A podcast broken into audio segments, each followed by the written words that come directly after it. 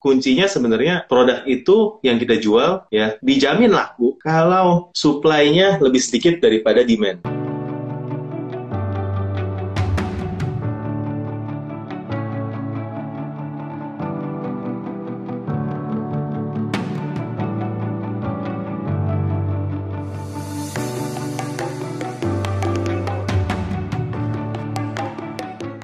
Halo Botakers.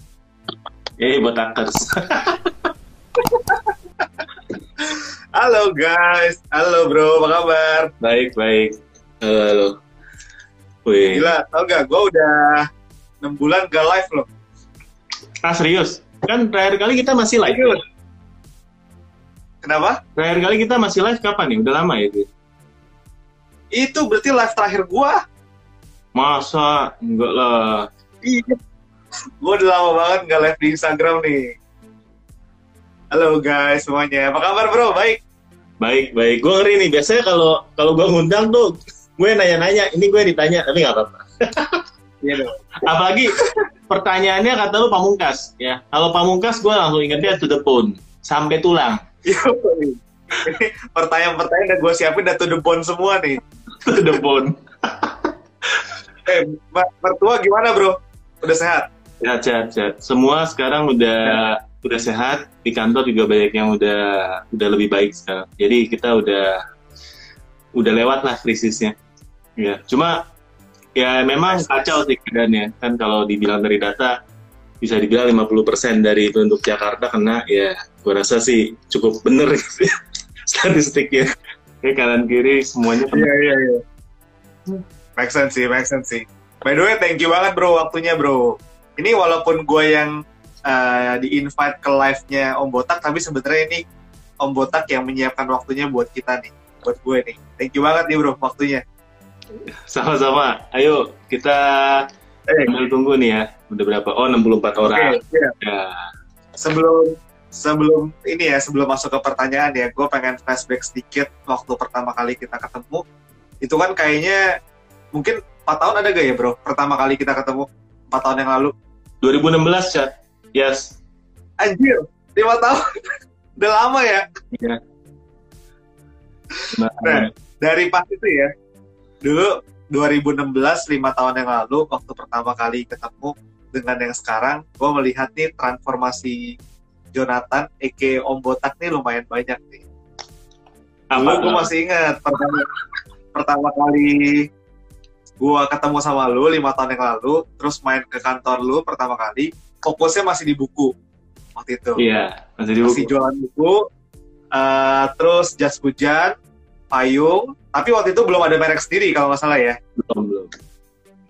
belum ada. Sampai sekarang udah bertransformasi banget nih. Sekarang tuh kayak misalnya di teman-teman gua, kalau ada yang lagi ngomongin marketplace, pasti ingetnya lu. Kayak brandingnya nih, Om Botak nih udah kuat banget nih di, di marketplace nih. Nah, gue pengen tanya nih pertanyaan pertama, bro. Pertanyaan pertamanya adalah, gimana ceritanya transformasi Om Botak dari yang awalnya lu adalah praktisi sebagai seller, akhirnya lu mulai meniatkan diri gue pengen aktif untuk sharing dan akhirnya terciptalah cerita Om Botak dan sampai sekarang. Gimana ceritanya? Oke. Em, gimana ya ceritanya ya? Sebenarnya gue rasa banyak banyak hal yang yang, yang menuju ke sana ya. Pertama, eh gue rasa lu juga salah satu salah satu faktor, yes, ya kan. Sejak sejak lu datang kantor gue yang 2016 itu, lu liput, lu vlog ke sana ya. Banyak banget orang yang bilang, eh gue nonton lu di, di videonya Yasa. Ah serius? Serius, serius, iya.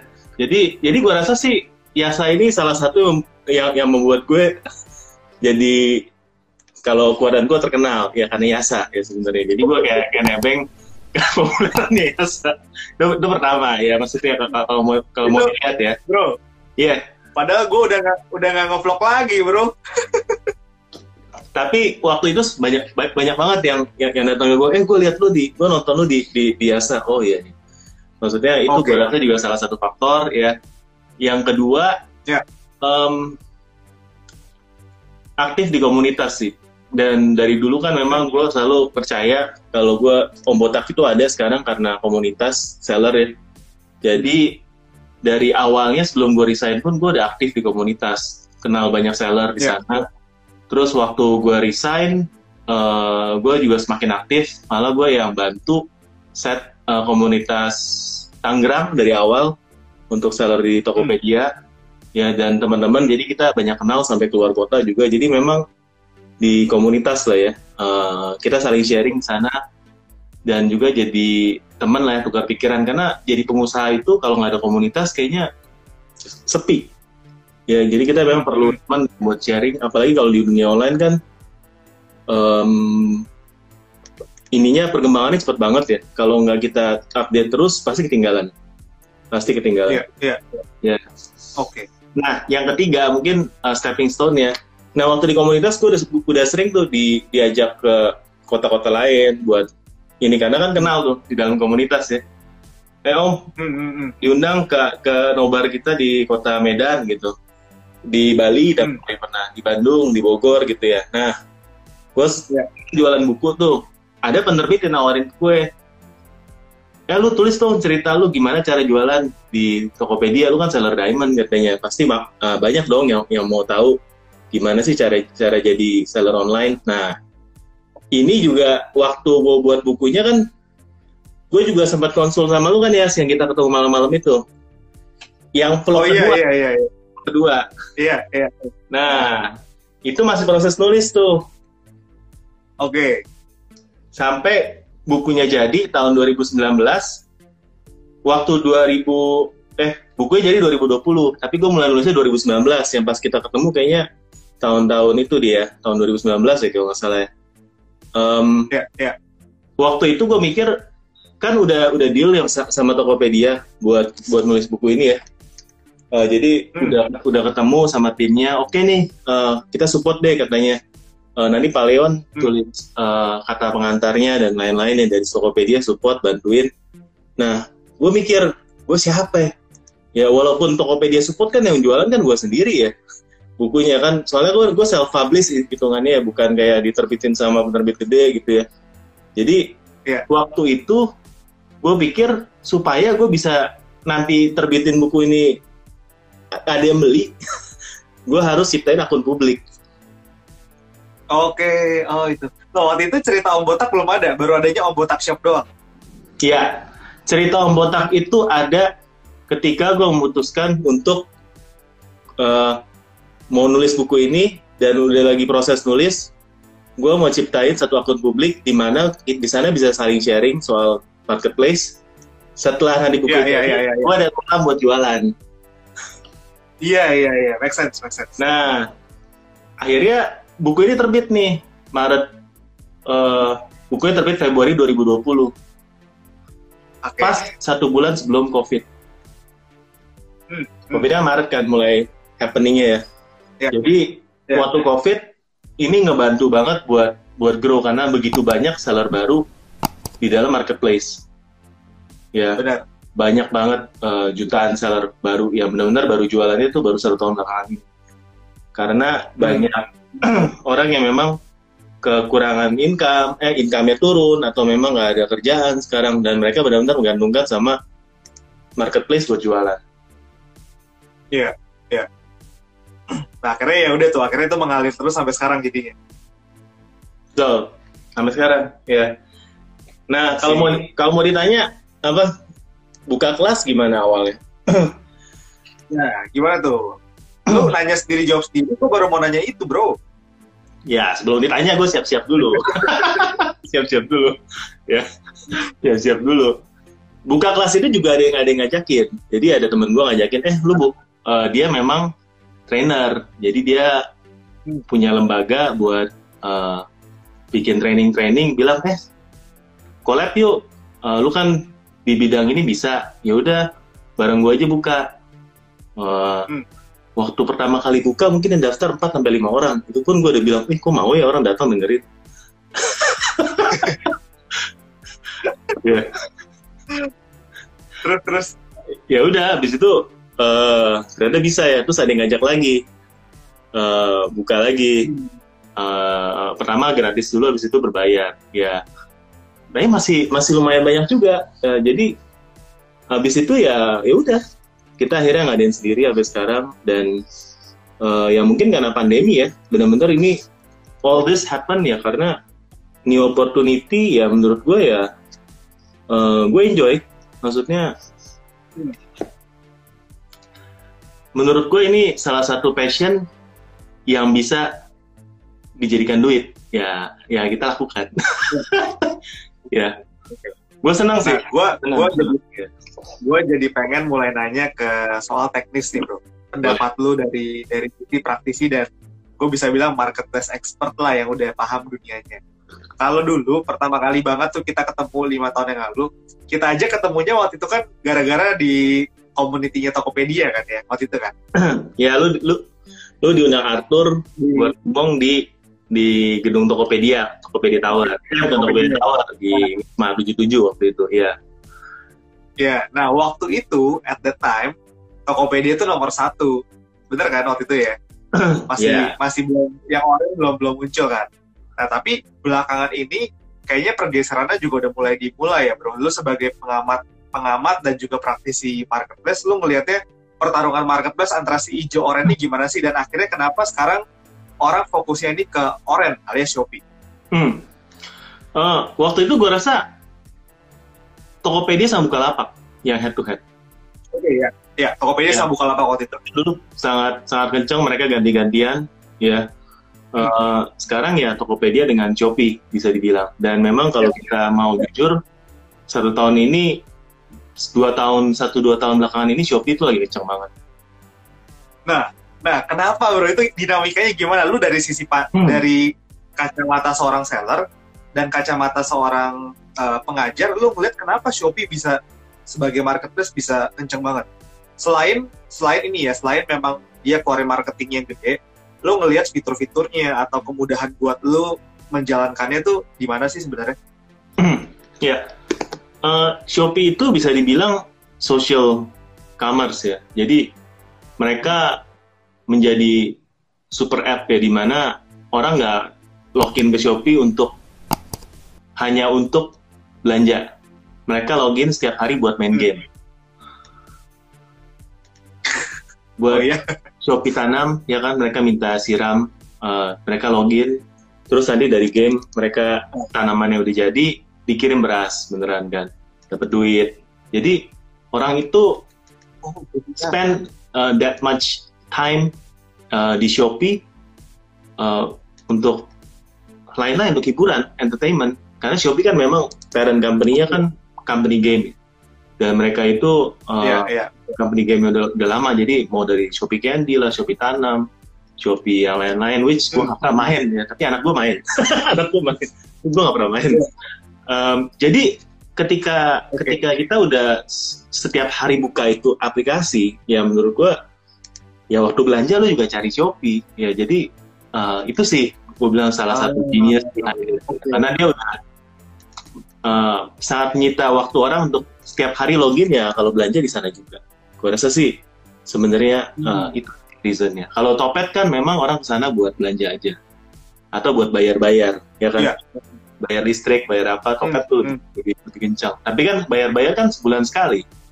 Kalau kita main game atau kita hmm. nonton live streaming yang di Shopee, uh, bisa lagi bosen pun kita nonton orang live. Ya, padahal sebenarnya banyak yang nggak jelas live ya. Cuma itu masa depan gue bilang. Gue bilang masa depan lima tahun lagi orang jualan pakai live nanti. Yang hmm. nanti kemarin sekarang udah mulai nih karena kan uh, kecepatan internet kita makin cepat lah dibandingin dulu ya ya betul oke kalau misalnya gini bro. Kalau dari sisi seller lo ngelihatnya ya uh, ya tadi kan mungkin kita lihatnya dari sisi customer nih. Si consumernya memang menggunakan Shopee bukan hanya untuk belanja tapi juga buat main. Jadi ya dia selalu di Shopee hmm. terus. Tapi kalau dari sisi sellernya sendiri sebenarnya lu ngerasa kenapa Shopee lebih kenceng? Apakah karena lu ngerasa lebih banyak campaign yang dibantu buat sellernya atau apa yang membuat lu sebagai seller lebih nyaman gitu? Ya, pertama Shopee untuk brandingnya tuh luar biasa. Jadi mereka itu rapi sih menurut gue ya. dari awal mereka tuh Hmm. fokus untuk satu tagline gratis ongkir ya awal-awal banget kan 2015 tuh Iya, dulu iya, pertama iya. kali jualan kita gratis ongkirnya Bener, sampai bener, Papua sampai Papua orang beli, Iya. beli beli kita stiker yang harga 2000 minta kirim ke Papua di mana ongkirnya bisa 90.000 waktu itu jadi sampai sekarang Iya. walaupun sebenarnya kalau kalian perhatikan gratis ongkir di Tokopedia tuh lebih mudah dan lebih banyak kuotanya dibandingkan di Shopee tapi mindset Hmm. branding itu belum lepas dari Iya. Shopee Bener banget, bener banget. Itu kayak ini ya bro, kayak misalnya ya, kalau gue inget JD, ingetnya adalah barang ori. Dia kan selalu bilangnya ori, ori, ori, ya kan? Tapi Shopee itu memang mindsetnya adalah gratis ongkir, dan itu memang masuk banget sih. Selalu Masuk. kita ngerasanya, di Shopee aja gratis ongkir. Iya, padahal gratis ongkirnya Iya, iya.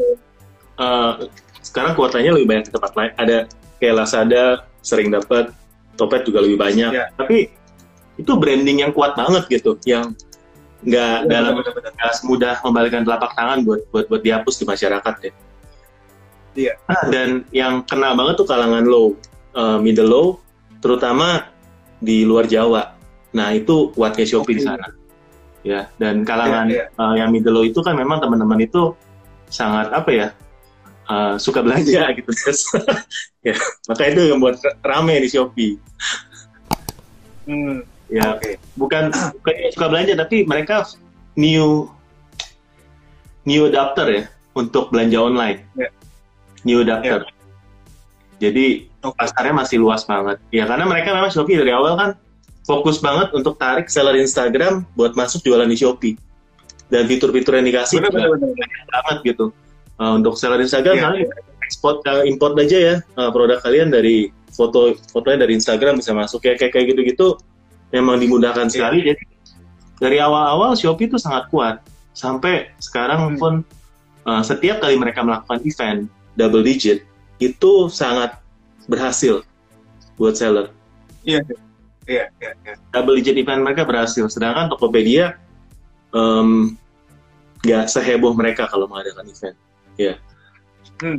Ah, Tadi ngomong-ngomong, bro, soal brandnya dari Instagram diajak ke Shopee, uh, kayaknya juga banyak ya akhirnya brand-brand yang dia bisa berkembang, diajak dedicated khusus buat Shopee. Jadi nggak boleh masuk yang lain lagi, langsung dikunci sama Shopee, tapi Shopee bener-bener bantuin brandnya jadi kencang banget. Yes, dan sebenarnya ya eh, di luar kalian kita kita bahas oh itu etis atau nggak etis ya maksudnya ya kan untuk dikunci seperti itu. Kenapa orang mau ya? Karena memang mereka delivered. Ya, Oke, ya they delivered. Dan maksudnya lu jualan di sini aja, nggak usah pusing tempat lain. Kita kasihnya kasih orderan yang banyak. Dan saya rasa kenapa banyak brand yang mau karena memang mereka bisa eh, kasih next. orderan yang banyak dan traffic yang banyak. Jadi ya it's win-win lah ya. Semua brand ya ujung-ujungnya kita kan pengennya jualan yang banyak kan. Jualannya rame kan. Jadi ya why not gitu ya. Ini tapi by the way gue gue gue netral aja. Gue cuma ngomong dari kacamata. Jadi eh, teman-teman apa dari marketplace lain ya. eh, ya ini cuma sharing pendapat. Nah, tapi kita cinta semuanya. Kita cinta semuanya. Kita punya toko di di, di, di, di semuanya ya. Eh, kita memang bekerja sama. Iya. Dan sekarang gue gue happy juga sih. Ini ini nggak cuma soal Shopee tapi juga marketplace. Iya. Gue ngeliat kan sekarang banyak marketplace kayak Shopee, Tokopedia dia udah open API sama Facebook bisa connect kan. Jadi Ya. kita ngiklanin pakai pakai sipasnya Shopee, sipasnya Tokopedia udah enak banget tuh buat retargetingnya. Jadi udah ya memang udah jauh lebih dimudahkan lah eh, di sekarang.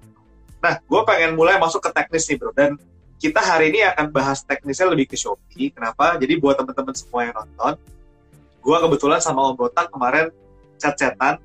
Eh, awalnya kenapa ya lupa, tapi habis itu gue nodong Om Botak, bro, gue eh, jalanin charity webinar di company kita bikin semacam inisiatif sosial, namanya Yayasan Indonesia Berani Melangkah. Di sana kita rutin setiap sebulan sekali sampai dua kali bikin charity webinar.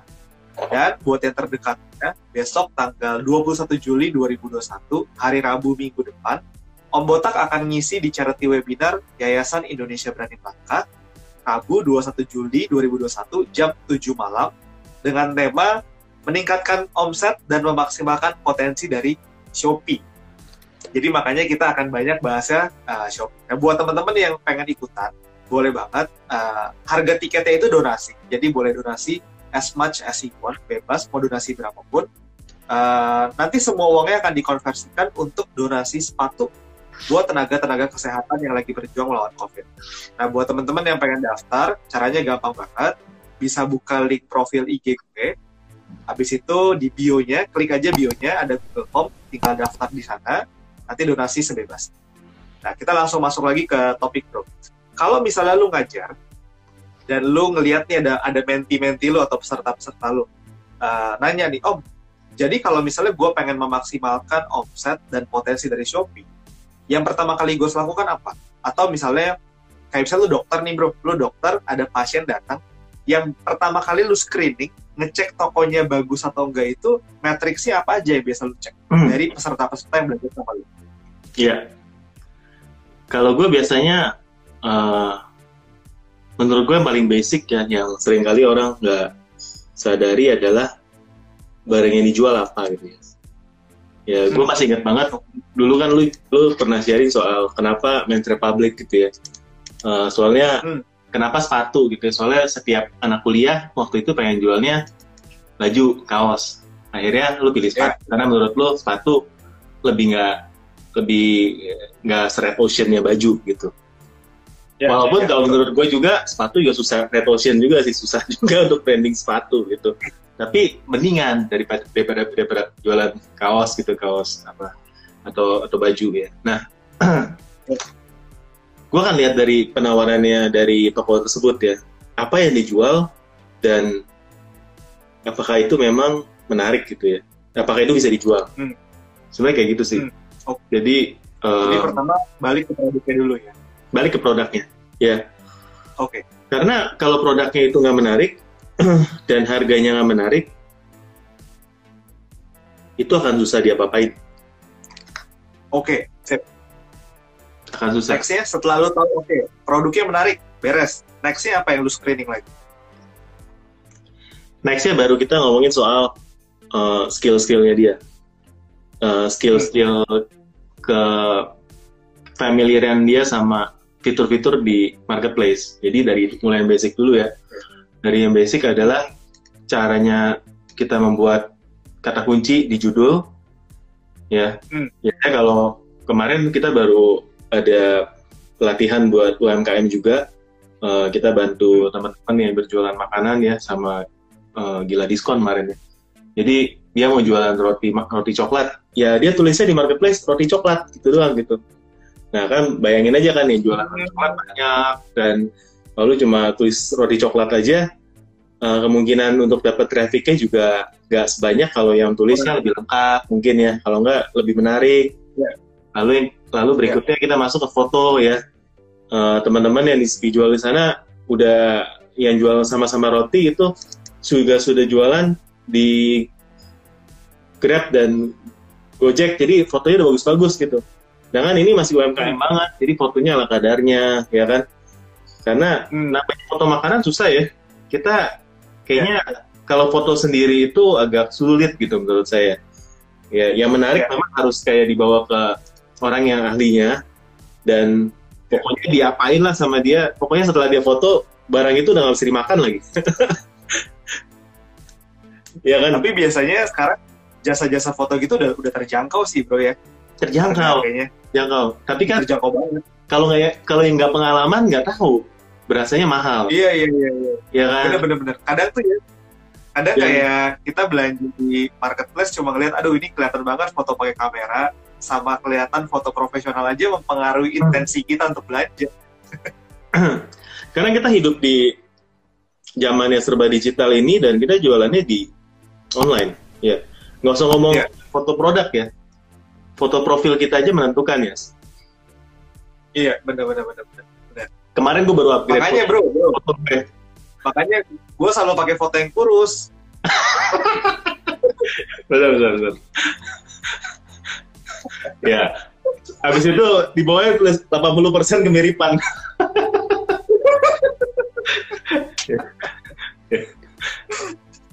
Lanjut lanjut bro.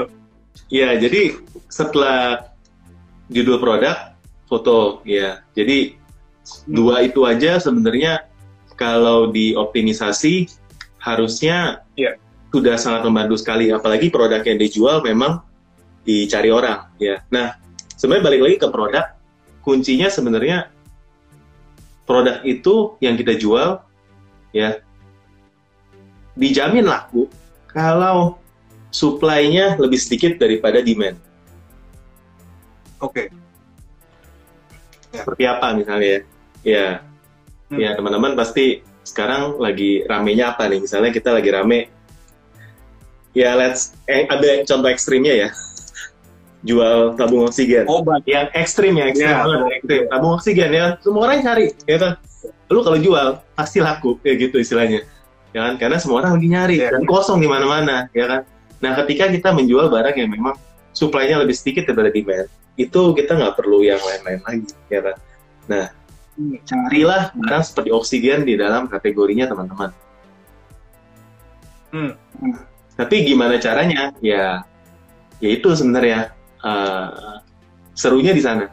Ya, serunya di sana. Dan supply demand itu kan adalah ilmu yang dinamis ya. Kemarin laku, Ya, belum ya. laku lagi, ya kan? Karena ya nawarin banyak, ya ya yang, yang jualan udah rame karena tahu ini barang yang emang laku nih motif ini laku jadi Iya. itu sangat dinamis makanya jualan online tuh pentingnya di sana karena kita harus pantau tren pantau harga pantau apa Hmm. habit orang untuk belanja sekarang Gimana caranya supaya kita bisa tahu produk yang kita jual ini memang trennya lagi in di marketplace? Eh, ada banyak yang yang bisa kita jadikan acuan ya kalau dari pengalaman sendiri pertama barang-barang yang kita sendiri perlu dan kita cari tapi kita nggak bisa nemu di marketplace Oke. ya jadi eh, banyak sekali barang yang saya jual sekarang itu dari sana yes Hmm. Oke, keresahan pribadi. keresahan pribadi ya dulu itu gue eh, pengen beli madu tapi gue pengen beli madunya yang merek tertentu cuma nggak ada yang jual di marketplace. Pakai Gojek. Ada yang jual tapi nggak bisa pakai instan. Oke. nah kan gue nggak pikir ya kalau madu gue nggak pengen lama-lama di ekspedisi takutnya kena panas rusak segala macam Ah. khasiatnya nanti berkurang. Gue pengen langsung nyampe gitu ya. Nah waktu itu nggak ada Hmm. yang jual pakai itu sekarang sih udah banyak. Cuma gue bisa kapitalisasi masa itunya gitu. Eh, ketika memang supply-nya nggak ada yang ya itu kan gue create sendiri kan. Karena gue lihat kok nggak ada yang jual nih? Ya udah gue deh yang jual gue cari suppliernya dan, dan, dan akhirnya gue jual. Gitu. tapi jadi bisnismen itu pengusaha itu enak loh sebenarnya. Eh, kita melihat segala macam problem hidup jadi peluang bisnis. Dah, makanya itu penting sekali kita itu punya teman-teman yang sama-sama eh, pengusaha atau sama-sama seller online ya. Soalnya kalau Ya, teman-teman yang nggak dalam bidang yang sama, kadang gue dianggapnya di lu mah otaknya jualan mulu gitu kayaknya. padahal, padahal kalau buat sama-sama saya ya, ya ngomong-ngomong aja kan seru gitu kayaknya kita bikin bisnis model baru. Wih ini kayak bisa jadi cuan nih gitu. Nah, kalau misalnya gini bro, kayak eh, misalnya kita punya banyak produk ya, misalnya dari ada food and beverage, ada misalnya ada baju, ada apa, ada berbagai macam jenisnya. Kalau di marketplace itu lu menyarankan sebenarnya pakai satu nama aja. Misalnya Om Botak, Om Botak jual berbagai macam dari buku, dari apa-apa. Atau sebenarnya baiknya tuh lu pisah-pisah sih tokonya. Dua-duanya sih. Jadi eh, yang gue lakukan sekarang biasanya gue masukin dulu ke toko yang udah gede supaya dia lebih gampang famousnya barangnya. Hmm. Karena kan kita punya keunggulan dari reputasi dan customer base ya. Nanti setelah dia udah jadi, ada baiknya itu tokonya dipecah sendiri. Oh, Karena sistemnya marketplace sekarang, kalau teman-teman mau punya RM, relationship manager, kalau tokonya mau di manage, itu baiknya tokonya specialized dalam satu kategori. Kalau toko-toko Oke. yang istilahnya palu gada, yang paling banyak. itu split di manage-nya. kalaupun nanti di manage, dia akan milih salah satu kategori yang paling gede biasanya. Hmm. Nah, kenapa kenapa butuh di tokonya itu ada RM dari marketplace? Sorry, kenapa? Kenapa Pertanyaan. butuh RM di marketplace ya? Em, di Shopee, di Tokopedia, di tempat-tempat lain, ya teman-teman kalau memang tokonya sudah besar di kategori itu, itu biasanya akan dikasih fasilitas RM, Relationship Manager, bukan rumah makan ya guys ya, RM itu. Jadi Relationship Manager itu fungsinya adalah membantu eh, masalah promosi-promosi ke pihak marketplace ya. Jadi misalnya kalau di Shopee, RM itu akan bantuin kita, oh masukin slot untuk flash sale. Ya, yang kedua kalau ada slot-slot promo event-event biasa kita ditawarin. Terus kalau ada kendala kita akan dibantu lebih cepat, jadi nggak lewat CS yang kayak robot misalnya ya. Jadi em, intinya RM itu bantu kita supaya toko kita berkembang. Ya sama lah kayak di bank, itu kan ada RM. Iya, iya. Iya. Tapi apakah jadi punya RM jadi jaminan kalau toko kita pasti eh, akan lebih gede ya enggak juga. Ya, balik lagi ke kita sih sebenarnya. Tanpa RM pun toko kita bisa gede. Ya kan banyak sekali orang yang nanya, gimana sih caranya dapat RM? Ya, nggak ada rumusnya sih sebenarnya. Itu kan ada mungkin ada kebijakan dari mereka. Tapi kalau teman-teman eh, patokannya teman-teman itu adalah salah satu eh, pemain terbesar di kategori yang mereka pantau itu pasti akan Hmm. di manage kok. Atau teman-teman yang kedua nih brand yang jadi Shopee Mall, jadi eh, Tokopedia official store gitu ya. Jadi Las Las Mall itu akan mendapatkan RM otomatis. Ya jadi ada ada, ada dua cara. Oke. Noted.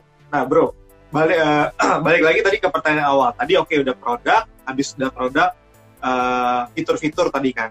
Kalau misalnya soal iklan, biasanya yang lu saranin itu apakah menggunakan iklan di dalam built-in eh, marketplace ya, pakai kayak iklan push Shopee-nya, atau sebenarnya masih butuh sih traffic keluar, kita kirim ke marketplace kita dari pasang iklan di Facebook, Instagram, masuk lagi ke marketplace kita. Biasanya lu saraninnya gimana buat pasang iklan di marketplace? Nah ini ini sebenarnya yang masih jadi banyak apa pertanyaan dari banyak orang ya. Tapi saya gue cuma bisa jawab dengan kapasitasnya gue aja. Gue pernah coba bawa traffic dari luar dan ternyata boncos. Akhirnya sekarang gue memutuskan untuk fokus di iklan di marketplace aja. Toh juga eh, barang-barang yang gue jual juga belum sampai udah jenuh banget nih. Masih ada room buat room to grow-nya lah istilahnya.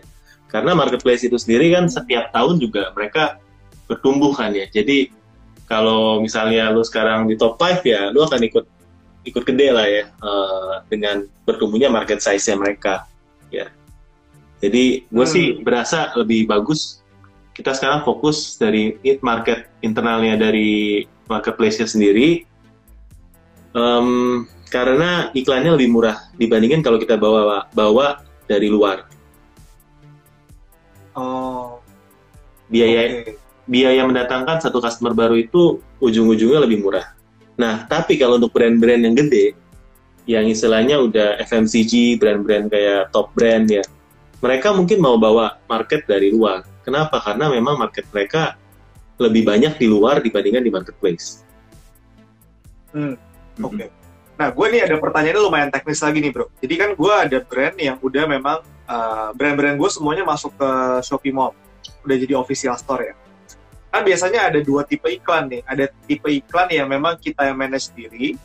Ada tipe iklan yang kita kasih R- si RM-nya nawarin, eh mau gak iklan nih? Gue uh, kita sendiri yang kelola, uh, bayar berapa berapa juta gitu ya.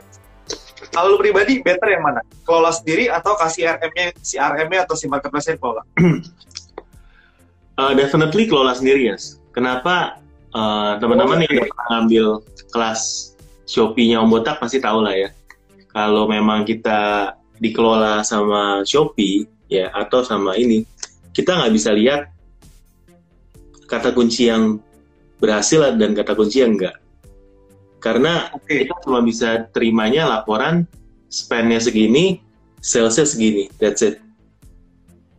Hmm, hmm. Gue nggak tahu, karena gue juga nggak pernah ngambil ya sedetail apa. Cuma setahu gue sampai terakhir kali itu kita cuma bisa terima laporannya ya udah kita spendnya segini segini uh, return on investmentnya berapa ya segala macam CTR berapa ya istilahnya nggak ada data yang bisa kita kulik-kulik nah sedangkan Ya, kalau kita manage sendiri dan kita main dengan gaya manual istilah kita masukinnya manual biddingnya segala macam itu akan lebih banyak data yang bisa kita uh, tarik dan kita bisa lebih hemat dengan cara seperti itu atau kita bisa Hmm.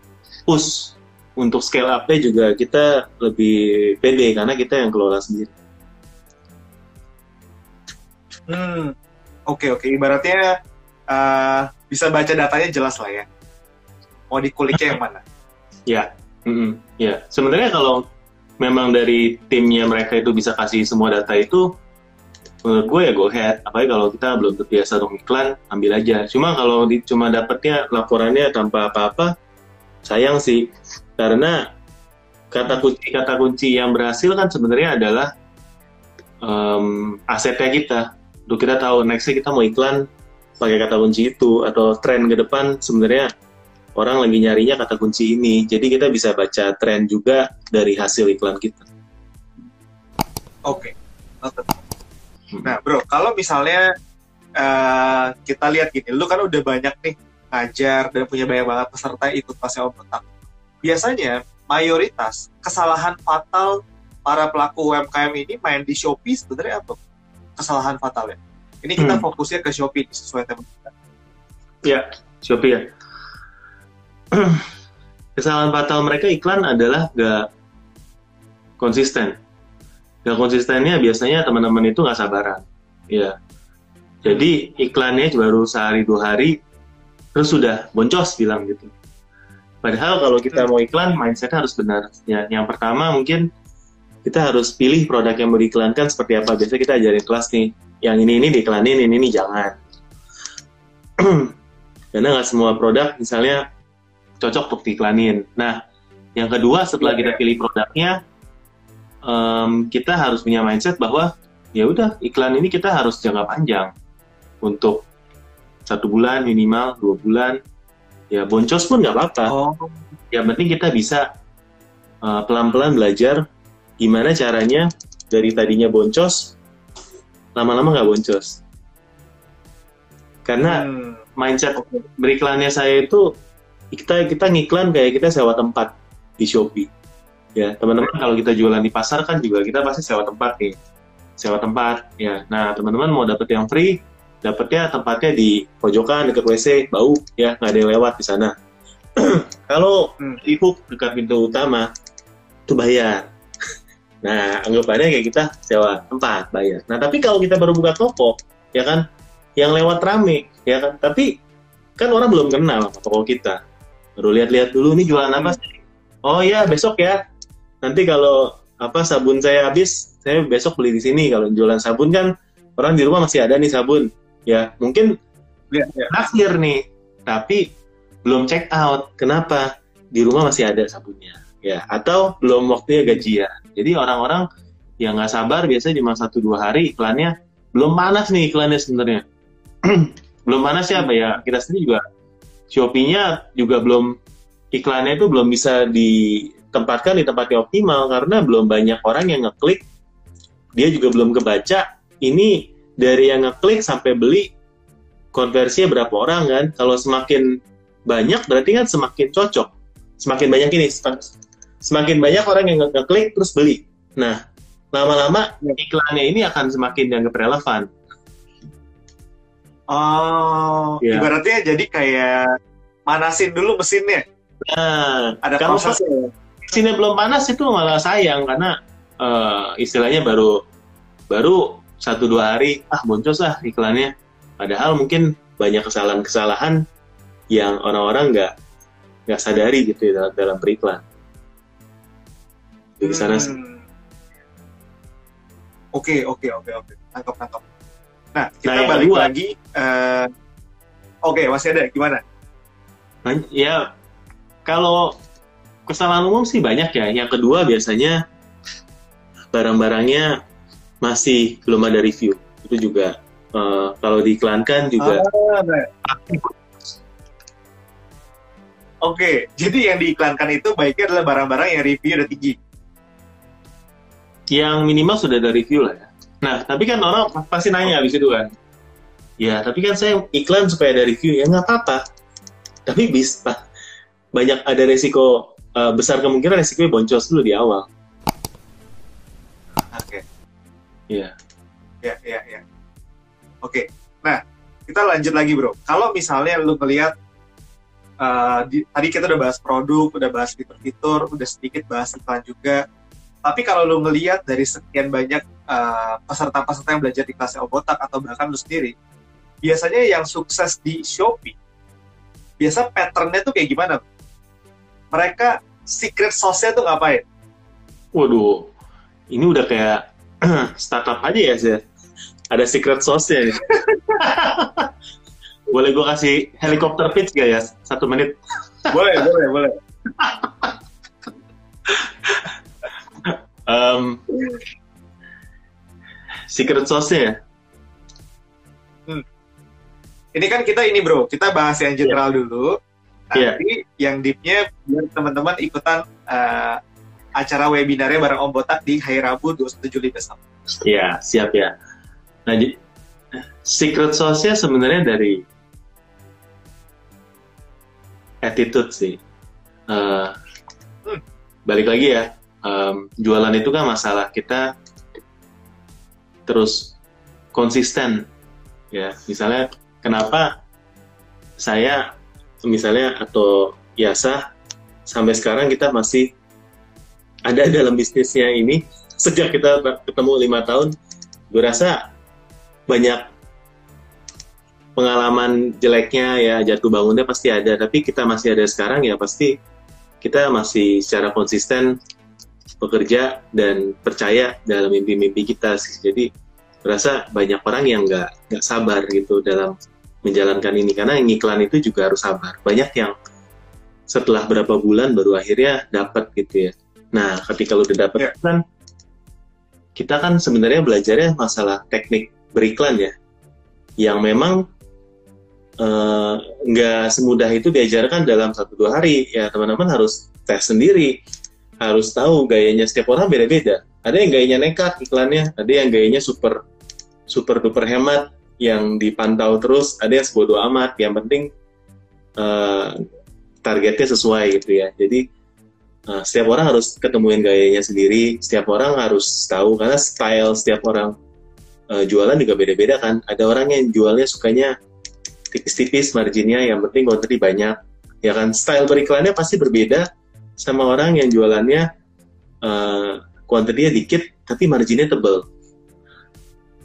Hmm. Itu aja sudah yeah. membedakan style beriklannya kita ya. Jadi setiap orang harus ketemu itu dan saya rasa itu perlu waktu. Uh, perlu boncos-boncosnya dulu buat ngerasain oh ternyata ini nggak works gitu ya. Oh ini works gitu ya dan dan itu adalah uh, pengalaman belajarnya setiap orang sih masing-masing. Oke, siap, siap, siap. Oke, terakhir Om Botak boleh dong dikasih preview nanti uh, tanggal 21 Juli hari Rabu minggu hmm. depan jam 7 malam di acara charity webinar uh, yang akan kita bikin bareng apa aja yang nanti akan dibahas sama Om Botak secara lebih detail selama satu jam setengah lebih. Oke, okay. di sana teman-teman kita akan belajar soal mindset ya awal-awal. Uh, mindset gimana caranya kita menemukan barang apa yang untuk dijual ya. Atau memang kalau teman-teman sudah ada barang uh, produk yang mau dijual, kita coba ajarin cara risetnya, ya. Apakah barang itu memang masih uh, layak, harga jualnya harus berapa, ya. Gimana cara ngitung harga jual di marketplace, apa aja harus di, dihitung ya komisi-komisinya seperti apa. Lalu setelah itu kita akan masuk hmm. ke uh, konversinya, ya. Konversinya berarti lebih ke cara nulis judul yang baik, ya uh, kata kunci yang baik yang digunakan, copywritingnya seperti apa di marketplace, lalu uh, cara teknik untuk uh, fotonya seperti apa itu kita akan ajarkan secara singkat fitur-fitur apa yang harus kita gunakan di Shopee ya yang memang penting dan uh, kita akan bahas sedikit banget soal iklan ya. Soalnya kalau udah bahas iklan sebenarnya udah dua tiga jam sendiri. Nah, jadi kita akan bahas ya sedikit-sedikit tapi saya rasa kalau buat teman-teman yang mulai dari nol atau yang bahkan baru mulai jualan itu akan uh, sangat membantu ya. Karena habis itu juga kita pasti buka untuk uh, tanya jawab juga ya. Mudah-mudahan uh, di sana bisa bisa bantu. Mantap. So teman-teman semua yang hari ini lagi nontonin live-nya uh, jangan lupa untuk ikutan charity webinar dari Yayasan Indonesia Brand Langka bersama Om Botak dengan topiknya meningkatkan penjualan atau omset dan memaksimalkan potensi Shopee hari Rabu 21 Juli 2021 minggu depan jam 7 malam WIB. Cara daftarnya gampang banget. Teman-teman masuk aja ke profil saya di Yasa Siki, link klik di bio-nya, nanti isi Google Form di sana. Biayanya berapa? Biayanya adalah donasi sebebasnya. Karena ini adalah charity webinar yang dijalanin sama yayasan dan semua uang yang kita kumpulkan akan kita produksikan sepatu yang akan didonasikan untuk tenaga kesehatan di uh, Indonesia. So itu aja teman-teman. Nanti uh, thank you banget Om Botak, Jo. Thank you banget waktunya udah bersedia untuk IG Live. Uh, sampai ketemu di minggu depan. Sekali lagi hari Rabu 21 Juli 2021 jam 7 malam WIB. Cara daftarnya klik link di bio saya, ada Google Formnya, dan teman-teman bisa daftar dan donasi sebebas. Thank you so much semuanya. Thanks Jo. See you hari Rabu. Oke, okay, thank you, thank you. Bye bro.